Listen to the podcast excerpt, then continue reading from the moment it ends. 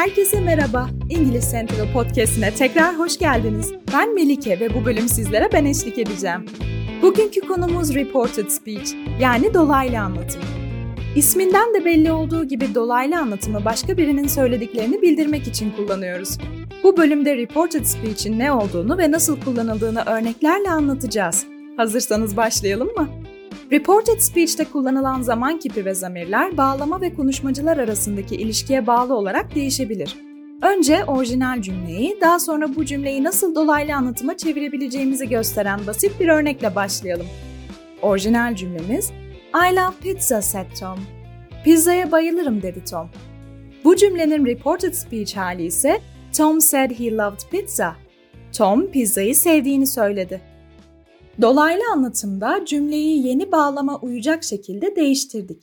Tom hakkında konuştuğumuz için orijinal cümledeki I öznesi he, geçmişte söylediği bir şeyden bahsettiğimiz için love fiili ise loved olarak değişti.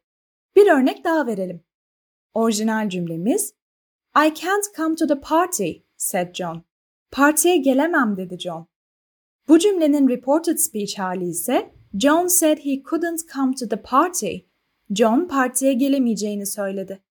Her iki örnekte de gördüğünüz gibi reported speech kullanırken orijinal cümlenin zamanına dikkat etmeli ve onu yeni bağlama uyacak şekilde değiştirmeliyiz. Reported speech hakkında bilmeniz gereken bazı ipuçlarından bahsedelim. 1. Reporting verbs olarak bilinen raporlama fiillerini kullanın. Dolaylı anlatımda şu kişi onu dedi, bunu söyledi diyoruz değil mi? Bu da demek oluyor ki anlatacağımız ifade için ekstra bir fiile ihtiyaç duyuyoruz. Yaygın olarak kullanılan fiiller ise say, tell, explain ve ask'tır. İlk verdiğimiz örneğe geri dönelim. Orijinal cümlemiz I love pizza, said Tom. Bu cümlenin reported speech hali ise Tom said he loved pizza. Bu örnekte kullanılan said fiili bir reporting verb'tür. 2. Cümlenin zamanını yani tensini değiştirin. Dolaylı anlatımda orijinal cümlenin zamanını yeni bağlama uyacak şekilde değiştirmeniz gerekiyor. Örneğin present simple ile kurulan orijinal cümle past simple, present continuous ile kullanılan bir cümlenin reported speech hali past continuous olur. Bir örnekle pekiştirelim.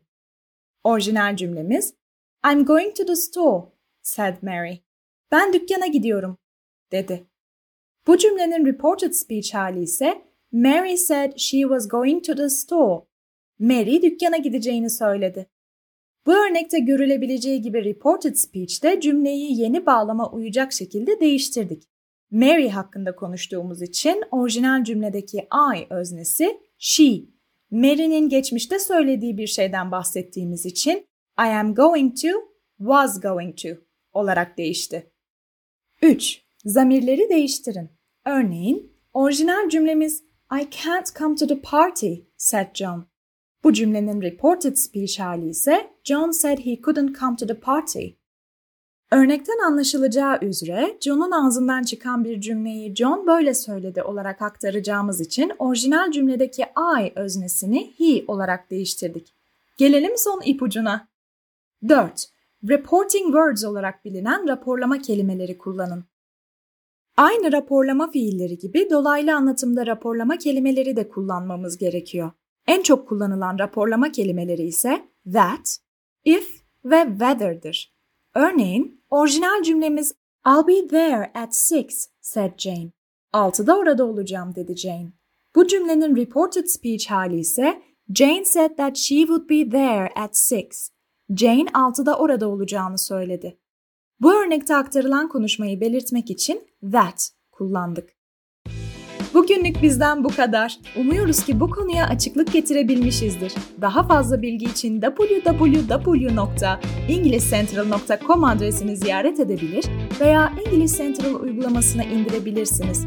Ayrıca metin kutucuğundaki linke tıklayarak İngiliz Central'a ücretsiz bir şekilde kayıt olabilir, ücretsiz deneme dersinizi planlayabilir ve 20 binden fazla video içeriğine erişim sağlayabilirsiniz. Bu bölümü beğendiyseniz bizi oynatma listenize eklemeyi ve bölümlerinize kaydetmeyi unutmayın. Dinlediğiniz için teşekkür ederiz. Tekrar konuşmak üzere.